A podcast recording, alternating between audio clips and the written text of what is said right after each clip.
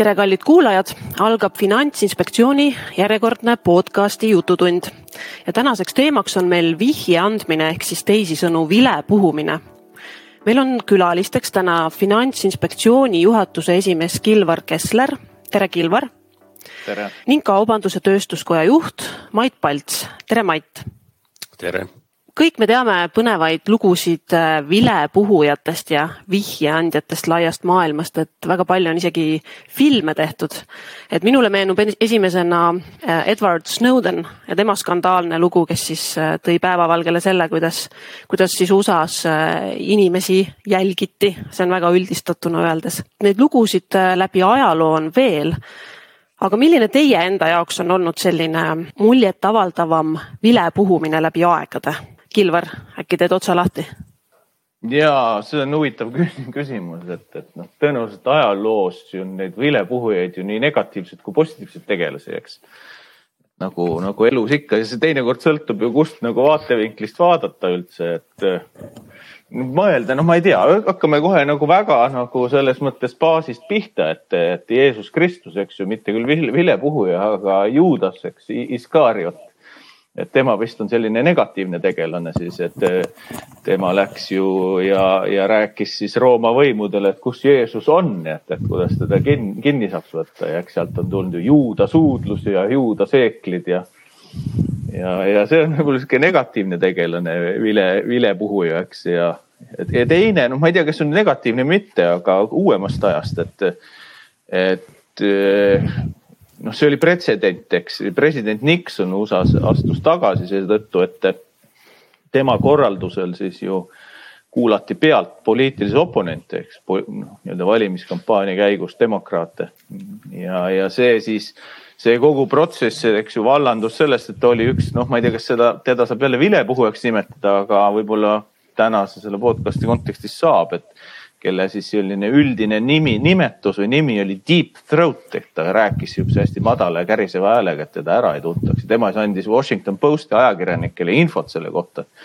kuidas siis demokraate pealt on kuulatud, eks, ja, ja see oli siis vallandas selle tagasiastumisprotsessi Nixoni. võib-olla need kaks juhust, mida ära mainida. Mait, mis, millised on sinu seoses? jah, et eks, eks neid eh, nii tõesti noh, nii negatiivseid kui ka positiivseid eh, eh, näiteid saab tuua ju, ju lähemalt ja kaugemalt ja, ja kaugemast ja, ja lähemast ajaloost, et, et noh, ma arvan, et, et tänapäeval ja, ja praeguses hetkes noh, igat igat kuulajat ja igat eestimaalast noh, tõenäoliselt mingil kujul liigutavad ikkagi, ikkagi noh, need asjad, mis siin viimaste aastate jooksul on, on,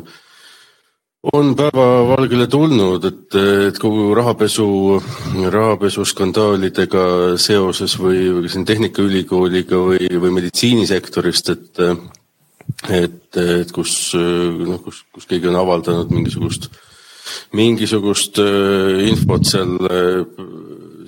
võltsretseptide väljastamisest või, või millestki sellisest, et, et noh, need on ilmselt need, need olukorrad, mida, mida igaüks, üks täna noh, täna vähegi nagu meediat jälgiv inimene ja ühiskonna sündmusi jälgiv inimene tegelikult teab ja, ja siis ka seondab selle, selle vilepuhumise temaatikaga, et, et noh, küllap, küllap need on ikka Eesti seisukohast need, need, need kõige aktuaalsemad, mille mille järgi me, me saame mingisugust seisukohta kujundada või isiklikku arvamust kujundada asjadest ja, ja mille järgi ilmselt väga paljud sellega teinud on. aga kuidas te ise suhestute sõnaga vilepuhumine, et äh, on see teie jaoks selline pigem positiivne sõna või pigem negatiivne sõna nagu vilepuhumine?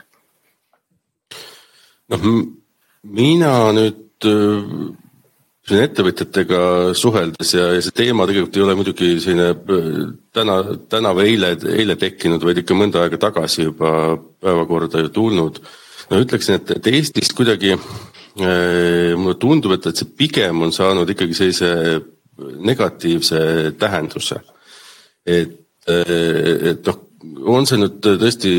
just see termini küsimus või, või siin mingisugused ajaloolis-kultuurilised põhjused sellele, aga aga, noh, seda termini küsimust ei saa ka kunagi nagu ala, alahinnata, et, et mis inimestes missuguseid assotsiatsioone tekitab. mulle kuidagi ka tundub, et, et, et see noh, mis iganes siis põhjus seal, seal taga on, et, et täna ta pigem on, on Eesti kontekstis, kui me räägime vilepuhumisest, siis pigem negatiivse alatooniga. Kilvar. ja et hmm, no seda on jah raske hinnata, et kui ma nüüd nagu oma ametipositsioonilt vaatan, eks meile üldiselt see vihje andmine meeldib, et, et kunagi mul üks hea kolleeg USA-st, eks ju, väärtpaberi järelevalvest ütles seda, et nende parimad sõbrad on ju äh, kadedad naabrid ja lahku läinud, eks ju, abielupaarid, nii et, et kus nad oma informatsiooni saa, saavad, eks. Ja aga nüüd nagu tõsisemalt rääkides, jah, ma olen nõus, et, et ma arvan, et see negatiivsus võib olla tekkinud, eks mm, kui ta on, et just nagu nõukogude ajast tulenevalt, vaadake, ega ju oli pealekaebamine noh, ka levinud siis ja, ja on ka kuulda, et noh, küüditamistega seoses on, on selliseid aspekte, eks ju, esinenud, nii et ma arvan, et see on tegelikult meie noh, ühiskonda päris nagu valusa jälje jätnud ja, ja ma arvan, et see noh, elab edasi praegu ka, et vaadates Põhjamaad, siis, siis seal ta nüüd nii negatiivse nagu alatooniga ei ole, pigem ikkagi noh, positiivse. Ja, ja noh, kui Eesti ühiskonda vaatad, ma arvan ka, et eks see on muutumises, et et ma arvan, siin kümme, võib-olla kakskümmend aastat tagasi oli see üsna ennekuulmatu ja kui te olete meediat jälginud, tegelikult Mait ju ise ka tõi esile, et et viimasel ajal on üsna palju hakanud neid juhtumeid ka pinnale tulema, avalikuks saama ja, ja mitte alati ei ole need noh, negatiivsete hinnangut pälvinud, eks ju, need vilepuhumised konteksti ja, ja tausta noh, paratamatult tuleb arvestada, sest need, kes, kes peavad hakkama noh, mingisugust regulatsiooni ka, ka rakendama või selle järgi käituma, on ikkagi inimesed. ja inimestel on oma emotsioonid, oma, oma mõtted, oma arusaamad ja, ja, ja kui me nagu läheneme vale nurga alt noh, survestame või, või niimoodi surume mingisugust, mingisugust ideed valede, noh, sisuliselt valede sõnadega peale, siis tulemus võib olla hoopis, hoopis vastupidine, et et seda tasub alati arvestada ja see on, ma arvan, väga paljude teemade puhul hästi tähtis, kuidas inimesed mingisuguseid mõisteid tunnetavad ja, ja mis asjad neile nendega assotsieeruvad. rääkides vilepuhujatest, kes võib-olla on ka avalikkuse ette jõudnud, et äh, nad vajavad ilmselt mingisugust kaitset teinekord. ja, ja kui rääkida sellest uuest vilepuhujate kaitse direktiivist, USA-s on see juba väga-väga kaua olnud, on ju. mida te arvate, et kas, kas ja miks meil seda, seda kaitset äh, on vaja vilepuhujatele? noh, me läksime väga ka raske, eks ju, näiteni kohe, aga mis see nagu trikk selle vilepuhumise juures on, et tegelikult see trikk väga abstraktselt öelduna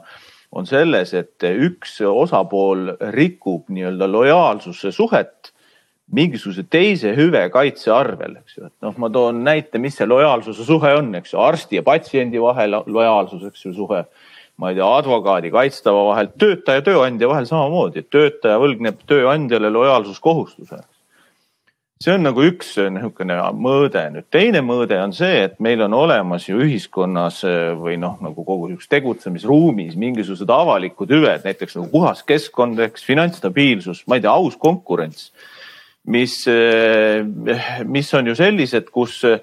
kus, kui seda rikutakse, siis võib-olla konkreetne kannatanu ka puudub või ei tunneta konkreetne kannatanu seda, et oleks kahju ka vahetult saanud, eks ja nüüd on nagu probleem, aga ühiskond on kokku leppinud, neid hüvesid tuleb ka kaitsta, eks ju, need, noh, puhas keskkond, eks ju, finantsstabiilsus, aus konkurents. ja ega riik võib-olla ei jõua ega võib-olla alati ei peagi jõudma igale poole, aga sellistele, sellised noh, nende hüvede rikkumine võiks olla kuidagi hinnastatud, muidu tekib niisugune moondumine või konkurentsi, keegi saab konkurentsieelise, kes nende avalike hüvede rikkumise pealt nii-öelda elab, eks ju ja selleks, et sellega tegeleda, peab tekkima infosümmeetria ja vilepuhujad, siis need isikud, kes sellisest noh, avalike hüvede rikkumistest ka teada annavad, eks on üks oluline, oluline osis siis, et, et, et saaks tegeleda nende rikkumistega. vilepuhujaid on tegelikult meile kõigile vaja, ütleme niimoodi, aga need vilepuhujad seda tehes tõenäoliselt rikuvad omal mingit teist kohustust. veel kord, selleks on siis see lojaalsus. ja selleks nad vajavad ka võib-olla kaitset, on ju selleks, et inimesed noh, oleksid noh, motiveeritud või nagu sina ütled, kaitstud, eks ju, seda infosümmeetriat tekitama, siis muidugi muidugi jah, et muidu ju juhtub see, et nad jäävad oma noh, kui võtame näiteks töökohast ilma, et, et, et töötaja ja tööandja vahelt, et ütleme siin tööandja, eks ju, noh, teoreetiline näide saastab keskkonda kuidagi. see töötaja ütleme, osaleb selles organisatsioonis, talle tundub see keskkonna saastamine, noh, eeldame, see on nüüd õigusvastane tegevus ebaõiglane, eks ju, ja, ja kui ta nüüd justkui teatab kuhugi, teeb head oma arust, võib ta oma töökohast ilma jääda ja siis on küsimus selles, et kui ta teab, et ta jääb töökohast ilma, kas ta tahab seda teha või mitte, eks ju, tõenäoliselt ta ei taha teha, iga normaalne inimene tahab teha tööd, eks ju, ja, ja, ja elada oma igapäevaelu. ja sellepärast siis see, need regulatsioonid ongi tekkinud, eks ju, jah Mait, sa tahtsid rääkida vahepeal? jah, no võib-olla, võib-olla lihtsam mulle tundub, noh, ongi läheneda ikka läbi selle, et, et, et noh, me ei saa ju karistada inimest, kes, kes teavitab õigusrikkumisest sisuliselt et, et see noh, kõlaks,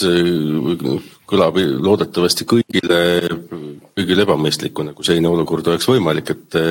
teade kavatsustega isik, kellele saab teatavaks noh, mingit sorti õigusrikkumine läheb nüüd, ütleb, et, et näete, siin on, on sellised asjaolud ja, ja, siin ühiskondlikku normi rikutakse ja siis me noh, paneme tal käed raudu, et, et miks sa, miks sa seda tegid, on ju, et et, et noh, see lihtsalt ei ole, ei ole mõeldav ja eks äh, siin saate alguses seda korraga ühte, ühte nii-öelda juhtumit mainisin, mis puudutas seal siis retseptide võltsimist. noh siis meditsiinis siis ma saan aru, noh seal tegelikult selleni ka, ka mindi, see oli üks kümmekond rohkem aastat tagasi. et, et et noh, kus, kus lõpuks hakati süüdistama seda isikut, kes, kes selle infoga välja tuli, et, et noh, miks ta ikka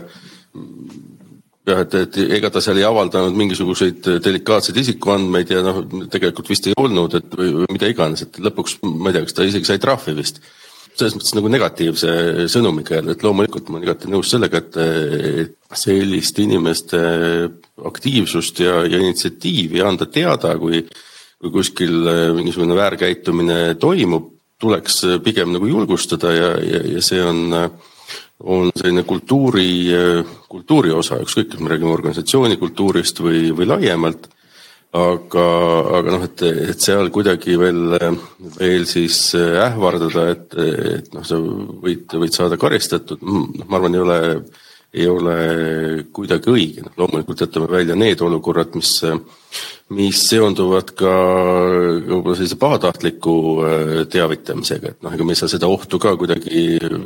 kuidagi nüüd kõrvale jätta, et nii nagu Kilvar siin ka eespool mainis, et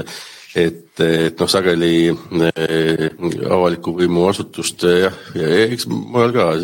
sõbrad on ikka need, kus, kus on mingi konflikt eh, tekkinud ja ja on need, on need lahutused või, või muud probleemid, aga, aga, aga noh, küllap seal seda, seda teavitamist ka, ka, ka tegelikult on, võib-olla mõnevõrra rohkem, kus, kus keegi lõpuks rusikas taskus läheb ja ütleb, et kuulge, seal oli mingi, mingi jama, on ju ja, ja, ja mis need asjaolud lõpuks olid, aga noh, eks selline kättemaksu himu alati ka ikkagi on, on liikuma panev jõud, nii et. Aga kui tulla selle vilepuhujate kaitse direktiivi juurde veel tagasi, et ma mäletan, kui see teema Eestis õhus oli, et siis siis mõned ettevõtjad meedias esinesid sõnavõttudega, et seda tegelikult ju ei ole vaja ja et see paneb liiga suure koormuse ettevõtetele, et kuidas sulle, Mait, tundub, et äh, mis, millised on ettevõtjate, võib-olla siis erasektori äh, sõnumid selles vallas olnud? ja nii ta, nii ta on, noh ka meie tegelikult võtsime selle seisukoha, et, et, et sellise äh, käsu korras nüüd noh, sisuliselt enesekontrolli või, või siis sise, sisekontrolli kuidagi funktsioonide täiustamine, noh, võib-olla ei ole kõige, kõige mõistlikum läheneda Eesti või lähenemine Eesti kontekstis. et, et noh, ütleme, ütleme siis riigi poolt, et õigusaktiga, et, et sa pead viima sisse äh,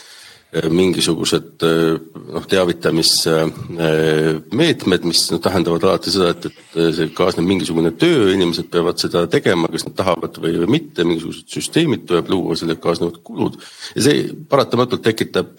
tekitab sellist noh, trotsi ja, ja võib-olla see ei ole see, noh, kuidas, kuidas me siin Eesti kontekstis peaks seda teemat äh, ajama, just jällegi mõeldes selle peale, mis assotsiatsioone temaatika inimestes tekitab. et juhul, kui omanik äh, äh, tolereerib ettevõttes enda raha varastamist, noh, eks see on siis tema, tema probleem või noh, see hästi primitiivselt selgitatuna, see lõpuks seda ju, ju tähendab, et, et toimub, kui me räägime eraõiguslikest isikutest, noh ettevõtte sees toimub mingisugune, mingisugune äh, väärkäitumine, mille tõttu tõenäoliselt äh, ka, ka omanik ju, ju võib äh, raha kannatada, noh või, või kaotada kas, kas varem või hiljem ja kui ta, kui ta sellist käitumist tolereerib, noh siis on ka ju küsimus, et, et noh, kas ta ise on rumal eh, ja, ja paneb ennast eh, tahtlikult eh, halvemasse konkurentsipositsiooni või ta, või ta tegelikult noh, mõtleb selle teema peale ja ja, ja üritabki organisatsioonis sellist kultuuri tekitada, mis, mis tegelikult noh, toetaks ka, ka töötajate poolt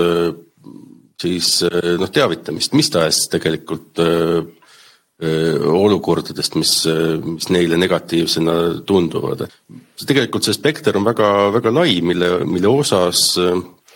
ma arvan, ettevõtte juhtkonnal noh, võiks olla tegelikult huvi töötajatega rohkem, rohkem ju suhelda ja seda infot saada ja, ja vastavalt siis ka muuta ettevõtet paremaks, mis lõppkokkuvõttes tähendab ju seda, et ta muutub konkurentsivõimelisemaks ja ma võib-olla võtaks isegi selle mõtte, mida Mait noh, siin kirjeldas nagu üle ja täpsustaks seda nii-öelda riskijuhtimise vaatest, et et noh, ühelt poolt on arusaadav, eks, et kui sul on üks avalik huvi või hüve, mille kaitseks siis kehtestatakse norme ja võib-olla pannakse ka ettevõtjale kohustusi, siis see tekitab ju justkui kulusid nii-öelda esmapilgul ettevõtjale. loomulikult selle, see väljendub sellises pahameelses, pahameelses meeles vastumeelsuses, eks aga teiselt poolt saab ka mõelda ju niimoodi, et tegelikult nendel vilepuhujatel jah, me enne rääkisime erinevad motiivid, eks ju, võivad olla noh, maailma paremaks tegemise motiiv, kättemaks, mida iganes, eks on inimestel motiivid. kui ta näeb mingisugust noh, ebakõla või rikkumist käitumiseks, siis nüüd on uuringud näidanud seda, et üldiselt inimesed ei taha minna kohe noh, nii-öelda sellest rääkima noh, välja, väljapidistele, noh riigile siis või ka meediale, et nad ikkagi tahaksid enne oma organisatsioonis sees kellelegi sellest oma murest noh rääkida, eks ju. eelkõige, kui see on selline motiiv on noh maailma paremaks tegev või kui nähakse mingit rikkumist, et seda kõrveldada. ja kui te vaatate, mida need reeglid teevad, eks noh, nüüd direktiivi vormis küll jälle, et, et aga, aga see selleks, ärme sinna kinni jää direktiivi vormis, et see põhimõtteliselt üks nagu olulisi asju on see, et ta ütleb, kuule, ettevõtja tõesti teatud suurusega suurusest alates ettevõtjad, sa loo oma sisemised kanalid selleks, et sinu noh, potentsiaalsed vilepuhujad saaksid tulla siis ja suhelda nende inimestega, kes võiksid need riskid siis kuidagi moel või teisel ära juhtida, kui seal ettevõttes sees on rikkumine, eks. ma arvan, ettevõtja vaatest on see igati positiivne, sellepärast et kui nüüd need inimesed, kes tahavad noh, maailma paremaks teha, nii-öelda lähevad ja kohe räägivad sellest riigile, siis võib-olla see nii-öelda negatiivne tagajärg ettevõtjale on hoopis noh, teistsuguses võtmes on ju, et, et, et ma arvan, et oma majapidamine õigeaegselt ise saada, noh ütleme korda teha ja need kõrvalekaldumised korrigeerida, et see on alati noh, minu arvates ka eelistatud lähenemine, ega me ka ju finantsinspektsioonis näiteks, kui me näeme mingisuguseid selliseid noh, mitte üliraskeid rikkumisi, aga rikkumisi, siis me alati ütleme ka oma subjektile, kuule, et mis teie kava on, kuidas te selle korda teete, eks ju, ja, ja kui see kava esitatakse, on mõistlik, noh siis ega me ei hakka siin mingit riigi noh, nagu malakaga kohe vehkima, et see on mõttetu, et, et, et ikkagi ettevõtja ise teab kõige paremini, kõige noh, ütleme efektiivsemalt, kuidas oma minetusi korrigeerida. ma arvan, et selles mõttes alati ei ole ka igas regulatsioonis mitte ainult halba, vaid ma arvan, et see sisemise kanali nõude loomine kätkeb ka endas noh, ütleme sellist mõistlikku riskijuhtimise elementi. no ma selles mõttes olen, olen ühest küljest nõus ja teisest küljest ka mitte, on ju, et ma arvan, et, et suuremates ettevõtetes kus on ikkagi see riskijuhtimine paigas ja, ja enam-vähem, noh, vähemalt see mingil kujul eksisteerib. siis, siis noh, küllap seal tegelikult on ka need, need viisid juba täna paljuski olemas, kus, kus noh, inimestele on tagatud see, et, et nad saavad, saavad minna rääkida vabalt, neid ei diskrimineerita, ei karistata selle pärast ja, ja tegelikult organisatsioon seda, seda ka toetab. lõpuks on sellest igal juhul organisatsioonil ju, ju võita. aga, aga teisest küljest jah, et, et, et noh, öelda öelda nüüd siis keskmise suurusega ettevõttele, eraettevõttele siis, kes, kes tegeleb noh, omanik vastutab enda, enda raha eest ja ja, ja tal võib-olla mingisugust suurt avalikku huvi seal ka ei ole, et, et noh, sa pead sellist asja hakkama kohustuslikus korras tegema. ma arvan, et see ei ole, ei ole mõistlik, et, et ma igal juhul noh, toetaks seda, kui, kui see lihtsalt tekibki organisatsiooni, tekibki sellise ettevõtluskultuuri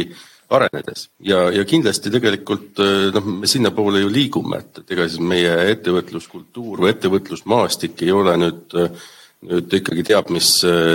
teab, mis pikkade traditsioonidega siin, et, et me oleme siin mõnikümmend aastat saanud sellist vaba ettevõtlust arendada. aga ma ühe, ühe sellise noh, minu jaoks tekib siin alati see intrigeeriv küsimus ka, et kui me räägime jah sellest, et et, et noh, kõigepealt ikka lahendame nii-öelda kodus asjad ära. Nüüd uurimisorganite seisukohast muidugi ma ei ole kindel, kui, kui hea see või, või või positiivset tagasisidet selline mõte nüüd, nüüd leiab, kui meil on ikkagi noh, tegemist mingisuguste kriminaalkorras karistatavate tegudega, mis on noh, sageli peitkuriteod ja, kõik teavad, et neid on väga keeruline üldse avastada, siis, siis noh, eks seal tekib see küsimus, et, et, et kumb siis on ju, et, et kumba peaks siis nagu eelistama, et, et kas lahendame kõik vaikselt ära või noh, kui on ikkagi kuritegu, siis kodanikul on ju kohustus minna ka, ka teavitada, on ju, et et see, see noh, see, see intrigeeriv aspekt siin alati tekib, et, et eesmärk ei... on see, et, et saame nagu koha peal ära lahendada, mida, mida tegelikult on noh ka kuritegusid silmas, see on täiesti ja. eraldi story, et noh et, et ikkagi noh, võtame jällegi, ma jään nii-öelda oma liistude juurde, et, et finantssektori, et sul iga rikkumine või noh, ütleme nii, väga vähesed rikkumised on kuriteod, eks ju, natuke rohkem rikkumisi on väärteod, aga valdav osa rikkumistest on noh, ütleme siis finantssektori mingite normide rikkumised, mis, mis iseenesest ei ole ühte ega teist, aga võivad tekitada riske, eks ju, kogu süsteemis. ja veel kord noh, siis see süsteem, kui seal liiga palju riske tekib ühel hetkel, noh siis see finantsstabiilsus kaob ja kogu ühiskond noh, sellest muutub justkui nagu ebaefektiivsemalt toimivamaks või, või õnnetumaks, eks ju, et. et ei, ei kuritegude puhul absoluutselt, et noh, seal on ju eraldi mehhanism ka ette nähtud, et ikkagi ikkagi neid nüüd, nüüd kuidagi lahendada majasiseselt, et noh, ma ka olen nõus siin, et seda ei ole noh võimalik, see juba on omaette võib-olla juba kuritegu hakkab olema, eks ju. noh, ma ka päris alguses ütlesin, et noh, kuidas mina näen seda eh, vilepuhujate nagu rolli, et ikkagi jutt käib selliste hüvede kaitse, kaitsest, mis on noh, ütleme niimoodi, kui neid rikutakse, eks ju, on väga raske aru saada selle rikkumise kahjumäära, eks, et, et seal puudub nii-öelda konkreetne kahju kannatanu või ta ei saa aru sellest kahju tekkimist. Need on need juhtumid, eks ju, et, et kus vilepuhujad tulevad mängu, et ma ei noh, ma ei poolda ka nende sihukest igal pool ja igal juhtumil nii-öelda noh, kasutamist, kui nii võib öelda, eks ju. veel kord, et vilepuhujate roll niisugust üldises plaanis on see, et nad tekitavad infosümmeetriat, on see siis kas noh, ettevõttes endas tööandja jaoks või siis mingite välispidiste noh, organite, kui nii võib öelda ja, ja üldiselt see gradatsioon siis ideaalis võiks olla selline, et kui sisemiselt ei suudeta seda minetust lahendada ettevõttes, siis võiks nagu välja minna organite juurde, eks ja, ja kui seal miskipärast ka ei suudeta lahendada, et siis võiks nagu meediasse minna, aga noh, võib ka otse minna organite juurde, eks vilepuhuja, kui ta tahab. kui mõelda võib-olla nüüd vilepuhumise kontekstist just nagu Eestis, et siis meediakünnis on meil siin ületanud no viimasel ajal aina rohkem teemasid, aga siiski võrreldes muu maailmaga ikkagi suhteliselt vähe. et noh, näiteks poliitvilepuhumine on ju Silver Maker, Silvergate on ju, Danske vilepuhujad Nordea vilepuhuja kunagi, kes siis ka oma ametist hiljem vallandati. kui mõelda võib-olla nende Eesti näidete peale, siis, äh, siis mis, mis seisus Eestis ikkagi see vilepuhumine ja selle kaitse meil nagu praegu on, et ühtepidi see vilepuhumine ju äh, peaks nagu muutma üldist keskkonda paremaks, aga samas me peame ka suutma neid ju kaitsta kuidas teile tundub? ja et noh, selles mõttes vaata, sa räägid ju nendest juhtumitest, kus kas vilepuhujad ise on läinud meediasse või kuidagi nad on sinna mingil moel sattunud et üks esimene reegel vilepuhujatel on see, et tuleb tagada vilepuhuja isiku konfidentsiaalsus, kui ta noh, seda on soovinud, eks ehk siis ma võin öelda ka inspektsiooni kogemusest, et neid juhtumeid, kus on olnud noh, kaasused, mis on ka noh, lahenenud moel või teisel kuni süüdimõistvate kriminaal, muideks asjadeni välja. Neid on olnud küll, aga neid vilepuhujaid võib-olla ka ei teata, eks, ja, ja, ja see ja see peabki nii jääma, ma arvan et, et noh, üldiselt ega noh, kuna see nii on, et konfidentsiaalsus, eks ju, vilepuhuja isiku konfidentsiaalsus, kui ta nii soovib, on üks niisuguse pöidlareegleid selles raamistikus, siis on jube raske ka öelda seda, et kui laialdaselt noh, niimoodi seda toimub Eesti ühiskonnas. mul on kõhutunne, et see ei ole, noh, me algasime sellest, et see ei ole väga noh, levinud selline noh, meetod, eks ju meil aga teatud nagu muutust on siin nagu võib märgata, ütleme noh, ma ei tea, kas see on areng või mitte, aga muutus jah, et ajas on need, see vilepuhumine läinud aktuaalsemaks või aktiivsemaks. meil on ju inspektsioonis vihje andmise telefon, eks ju, aastast kaks tuhat kaks. Et selles mõttes, et seda, seda, noh, need inimesed on nagu sotsiaalselt ka aktiivsemaks läinud, võib-olla ka julgemaks läinud, mina seda tervitan, eks. Sellega kaasnevad omad nagu noh, sellised hõõrd või negatiivsed momendid ka, aga noh, üldjoontes ikkagi tundub, et eh, nii palju, kui mina vilepuhumise kaasuseid tean, on inimestel tõsi taga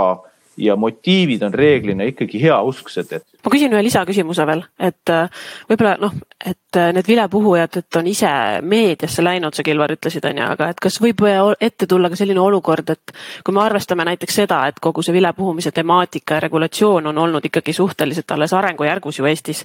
et võib-olla mõne, mõnedel juhtudel näiteks äkki ei olegi olnud nagu muud alternatiivi, kui minna meediasse, et probleemile tähelepanu juhtida. ma ei pea neid näiteid silmas, aga üleüldse nagu absoluutselt, ega ei olegi vilepuhumise regulatsiooni üldiselt olemas, et noh, see Eestil on plaan ju selle aasta detsembriks või mitte plaan, kohustus, eks ju, et, mhm. et üle võtta see direktiiv ja siis ta -hmm. nagu noh, laias plaanis nagu tekib, eks ju, see, see kaitseraamistik ka, aga üldiselt jah, et, et ega kui inimesel on noh, veel kord, ma ei lähe sinna motiividesse, mis motiivid võivad seal käitumisel olla, aga aga mõnikord tuntakse, et ta ei saa noh adekvaatset tagasisidet ei siis organisatsioonist endast, ei mingi pädevatelt riigiasutustelt ja siis minnakse meediasse, mõnikord minnakse ka otse meediasse, aga,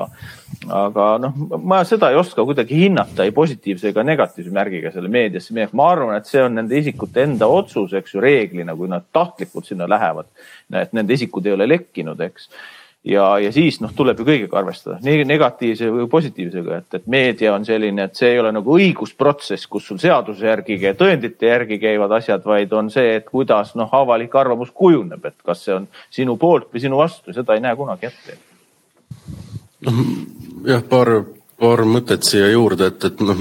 ma küll arvan, et, et ju nad eh, on läinud sinna meediasse omal initsiatiivil või siis kellegi, eh, kellegi targal, eh, targal nõuandel, et teine asi on see, et tööõiguse kontekstis ja, ja ka laiemalt, ega me nüüd ei ole päris, ei saa väita, et, et meil ei ole üldse mingisugust õiguskaitset sellise tegevuse korral inimestel, et nad on täiesti kaitseta, et nendega võib nüüd käituda nagu äh, nagu iga, igaühega ja, ja võib sel põhjusel kellegi näiteks lahti lasta, et ta on millestki teavitanud, on ju, et et noh, tegelikult nii-öelda mittediskrimineerimise nõue on, on täna ka üsna, üsna lai ja, ja tööandja ei ole mitte sugugi vaba noh, igal, igal suvalisel põhjusel kedagi, kedagi lahti laskma või, või noh, kuidagi ma ei tea, kas palka vähendama, et, et seal on ikkagi äh, Äh, võimalikud õiguskaitsemeetmed ja, ja noh, võimalus, võimalus isikul ka enda õiguste eest äh, seista, et, et see on täna täiesti, täiesti olemas ja, ja noh, ma ei, ma ei tea, kas, kas siin peab midagi ilmtingimata nüüd juurde, juurde veel, veel tekitama täna Eesti ettevõtteid vaadates, siis jällegi need äh, suuremad ettevõtted, noh, me räägime siin ikkagi suurettevõtetest, äh, on see nüüd kakssada viiskümmend pluss töötajat või, või veelgi suuremad, kus ikkagi on sisekontrollisüsteem äh, paigas. Ja, ja kui me mõtleme nüüd siis nagu defineerime selle vilepuhumisega ka vihje andmise peale, ehk siis nendes ettevõtetes tegelikult see, see süsteem väga palju ka, ka ju ikkagi toimub. seda ei nimetata vilepuhumiseks või ei ole seal mingisugust ma ei tea, mind eraldi suuri süsteeme taga, kuidas kedagi kaitsta või mitte kaitsta, aga selline vihje andmise süsteem ja, ja noh, need on ikka alati olemas suuremate ettevõtete puhul üldiselt, keda, keda mina olen siin ka, ka lähim, lähemalt äh, näinud ja, ja organisatsioon ka seda, seda toetab ja, ja üritab äh, võimalikult äh, tagada seda, et, et isikud saaksid seda teha anonüümselt, saaksid saaksid seda teha noh, kartmata oma, ma ei tea, vahetu juhi kuidagi hukkamõistu või, või, või karistamist. et see tõesti on, on levimas ja, ja levimas üha rohkem ja, ja tõenäoliselt noh, need juhud, mis meil meediasse jõuavad, on ikkagi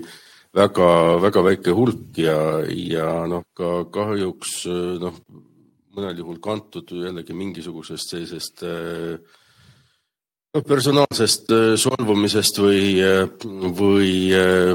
või, või noh, kättemaksu mingisugusest tundest, et tahaks minna ja, ja ikkagi öelda, et. ehk siis vilepuhuja vilepuhumise pärast vallandamine või muud moodi diskrimineerimine, et on see teie hinnangul äh, tänases Eestis siis pigem selline harva esinev nähtus?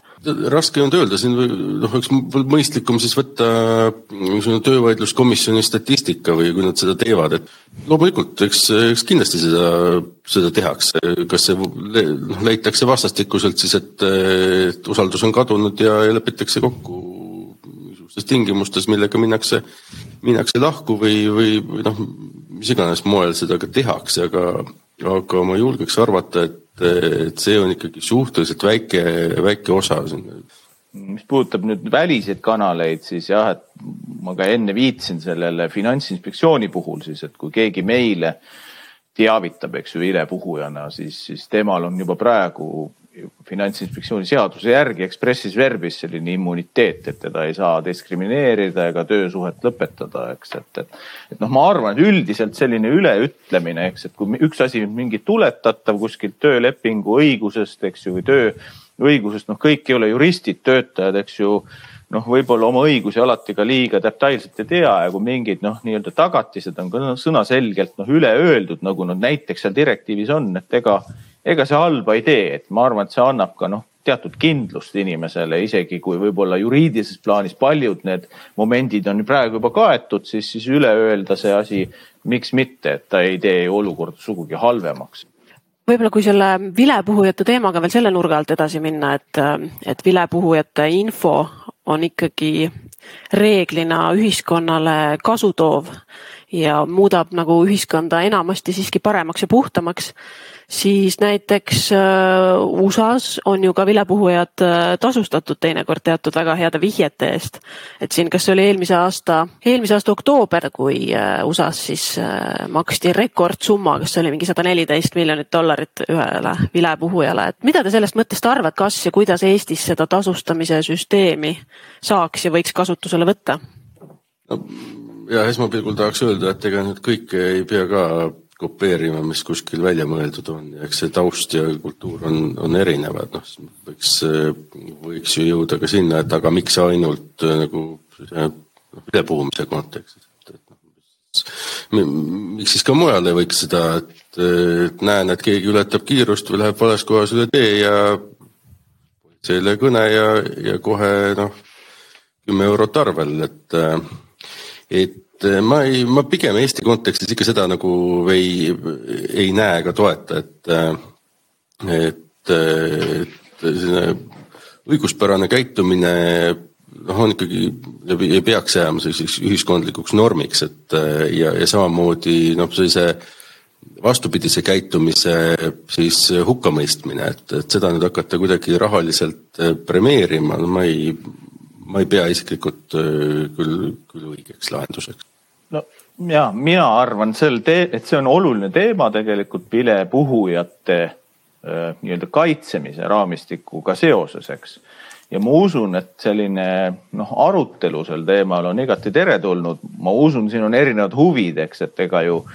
noh, tööandjad on väga hästi organiseerunud ja, ja esitavad noh, reeglina hästi põhjendatud argumente, eks võib-olla vilepuhujad nii hästi organiseerunud ei ole, kuigi nendel on ka oma esindusorganisatsioonid täitsa olemas, sealhulgas ka Euroopas, aga nüüd see tasustamise teema, et see on noh, justkui arusaam aeg-ajalt, et see on mingi Ameerika asi, ei ole. aga miks see nii on, tekib küsimus, eks ju, miks see nii on? no see on sellepärast nii, et inimesed eh, ei tunneks nii suurt hirmu oma töö või sissetuleku kaotamise eest, ega ju kui noh, keegi on vilepuhuja, ta saab endale noh, mõne tööandjate noh, rühma seas mingi teatud maine, siis tal on päris raske olukord, võib-olla ta ei saagi enam tööle, eks ju, ja siis nii-öelda tasu selle vilepuhumise eest, mis viis mingite positiivsete tagajärgedeni, eks ju, ei ole sugugi halb, eks ju. nüüd, mis selle tasustamise halb mõõde või niisugune riskimõõde ühiskonnas on, on põhimõtteliselt kaks asja, eks. esimene on see, et see võib ärgitada inimesi valekaebusi tegema ja teine asi võib-olla, mis on veel nii-öelda raskem juhus, on see, et eh, kui nüüd väga nii-öelda gaasipedaal põhja panna selle tasustamise lubadusega, siis võib juhtuda nii, et neid kaebusi tuleb nii palju, ehk siis see infosümmeetria läheb niivõrd täiuslikuks, et lihtsalt nii-öelda noh, eh, ühiskond ei jõua kogu seda rikkumiste tulva nii-öelda ära nagu hekseldada, eks ju, et see on nüüd põhjus, miks ei ole olnud ka tasustamist väga palju noh, rakendatud mõnedes, eks ju, riikides, aga paljudes riikides on see tasustamine rakendatud, et sellest ei maksa ka noh, liiga suurt nagu sellist noh, nagu tonti näha, eks, et, et tavaliselt on ta nii, et noh, on mingi trahvisumma, kui on siis mõni rikkumine, eks ju, tuvastatud vilepuhuja informatsiooni baasilt siis selle rikkumisega noh, võib, aga ei pruugi, eks ju, võib kaasada trahv. noh, trahv tavaliselt ju laekub eh, riigieelarvesse kogu ühiskonnale ja siis sealt mingisugune no osa, eks ju, eraldatakse ka vilepuhujale, et see on see, kuidas see süsteem toimib, eks ju. mis ühiskond, mis Eesti ühiskonnal on nagu optimaalne, et noh, mina seda ei oskagi öelda, et ma arvan, et see on mingi sihuke teema, millest võiks rääkida. aga ega tasustamine ei ole sugugi ju võõras asi, et mäletate, need Ameerikast ju tõenäoliselt tulnud, eks ju, et Texases, et dead or alive, wanted. Eh, ja siis on seal mingi rahasumma ka nimetatud, nii et, nii et selles mõttes see on ju, ütleme, juured on, juured on sellel süsteemil täiesti olemas ja, ja sügavad see on see asja üks külg, aga võib-olla teine külg, et kui me siin ennem rääkisime ka sellest eh, vilepuhujast kui pealekaebajast ja et vilepuhujal on veidi selline pealekaebaja maine, et võib-olla no kui vaadata ka Eestis sellist suhtumist, et äh, mida te ise ka ennem, Mait, sa ennem tõid ise ka välja, et see on nagu muutumas, aga et võib-olla, et see suhtumine vilepuhujasse äh, muutuks nagu rutem paremuse suunas, siis võib-olla ka see tasustamissüsteem nagu aitaks tõsta siis vilepuhuja kui, kui olulise rakukese sellist äh, usaldusväärsust ei no sellel asjal on omad plussid-miinused, ma ütlen mm -hmm. veel kord, et seal. suurem diskussioon. tunnetuslikult, ei noh, tunnetuslikult mina puhtalt järelevalve aspektist ütlen nii, et noh, miinus, pluss on kindlasti selle tasustamise see, et ma arvan, et vihjeid tuleb oluliselt rohkem, eks ju, aga miinus on see, et kas neid tuleb nii palju, et me nagu noh, küsime endalt, et, et, et mis, mis värk on nii-öelda et see on selle tasustamise, kasutamise, mittekasutamise nagu, nagu poolt ja vastu argument on ju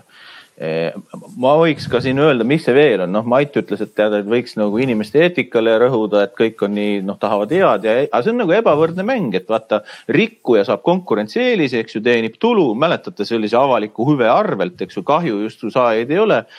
aga, aga sellist nagu teistpidist kontrollimehhanismi ei ole, et need on nii-öelda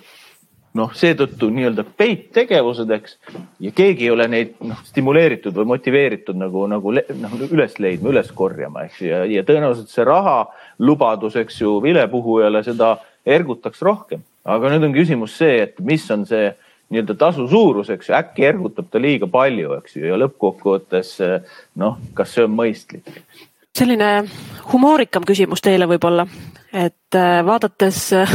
läbi teie positsioonide, kus te siis tänasel päeval töötate, aga samas, kui mõelda nii, et kui kõik muud kanalid on, äh, on nagu proovitud ja, ja, ja läbi käidud, siis, siis kas te oleksite, kui te näete sellist karjuvat ebaõiglust või midagi muud, mis kohutavalt kahjustab, siis kas te oleksite, kas te julgeksite ise olla vilepuhuja tänases Eestis siis? no kus see huumor siin on, et väga tõsine küsimus. ei, kuidas see saab, kuidas see saaks ka nüüd teistmoodi olla, et, et loomulikult noh, kui on, kui on midagi, mis on noh, õigusega vastuolus või, või väärtushinnangutega vastuolus ja, ja seda saab kuidagi parandada, siis noh, ma ei tea, meie isiklikust seisukohast siin ei ole väga küsimust ja, ja ma loodan, et, et seda küsimust ei ole ka ikkagi enamikul eestlastel ja üldse inimestel, et, et kui kuskil nähakse, et, et midagi ei, ei toimu nii, nagu on, on kokku lepitud ühiskonnas, siis, siis sellest ka teada antakse või reageeritakse sellele kuidagi, et, et jah, noh, kahtlemata on neid, kes, keda kõik asi jätab külmaks, kaasa arvatud see, kui, kui keegi tänaval peksa saab lihtsalt ja, ja minnakse mööda, et, et noh, inimesi on, on ikka eri, erinevaid ma ja, et noh, vaata Kaisa, sul on nagu selles mõttes raske küsimus, noh ühelt poolt lihtne küsimus, et ütleme praeguses ametis mul ei ole ütleme mingit kahtlust, et ma äh, noh, see on tegelikult ju igapäevatöö, mitte et nüüd vihjete andmine, vaid nende sünteesimine, eks ju, et, et sealt peitub ka vastus, aga teistpidi ma olen ka Eesti Advokatuuri liige, küll on tegevus peatatud praegu, seetõttu ma ei ole vastavaid kohustusi noh, ei pea täitma, aga advokaadid on sellised lihtsalt remargi korras eripärased, ütleme amet, et nad ju noh, nemad ju toimivad puhtalt usaldusel ja kui nemad hakkaksid oma kliendilt saadud informatsiooni baasilt vihjeid andma, see tähendab seda, et nad on oma business'ist kohe väljas ja lisaks rikuvad Eesti advokatuuri seadust, eks ju, et, et. et noh, selles mõttes see vihje andmine igal juhul ja igal pool alati ei toimi, see regulatsioon, et, et eks ta selline peenike asi on ja mida ma tahaksin öelda lõpetuseks omalt poolt on see, et ma väidan, et seda vihje andmise regulatsiooni nüüd igal pool ja igal juhtumil peaks kasutama, eks ma tõin enne need välja ka need juhtumid, millal ma arvan, et on mõistlik, eelkõige need, kus on mingite avalike huvide, avalike hüvede rikkumised, eks. Aga, aga riiki pagan ei pea igal pool olema, et, et enamik ikkagi elu aspekte saab nagu noh, lahendatud, ütleme normaalse nõudluspakkumise vahekorras, eks ja reeglina annab see kõige optimaalsemaid tulemusi, aga on kohti, kus, kus on mingisugused moondumised ja seal see regulatsioon on õigustatud. suured tänud teile, äh, Kilvar Kessler siis Finantsinspektsioonist ja Mait Palts Kaubandus-Tööstuskojast, et leidsite aega vilepuhumise teemadel äh, mõtteid vahetada ja loodame, et äh, tuleb suurem arutelu sel teemal ka ühiskonnas. mina olen Kaisa Kabral ning tänast podcasti saab järele kuulata Finantsinspektsiooni koduleheküljel, Apple ja Google podcastides, Spotify's ja Anchoris. tänud kuulamast ja peatse jälle kuulmiseni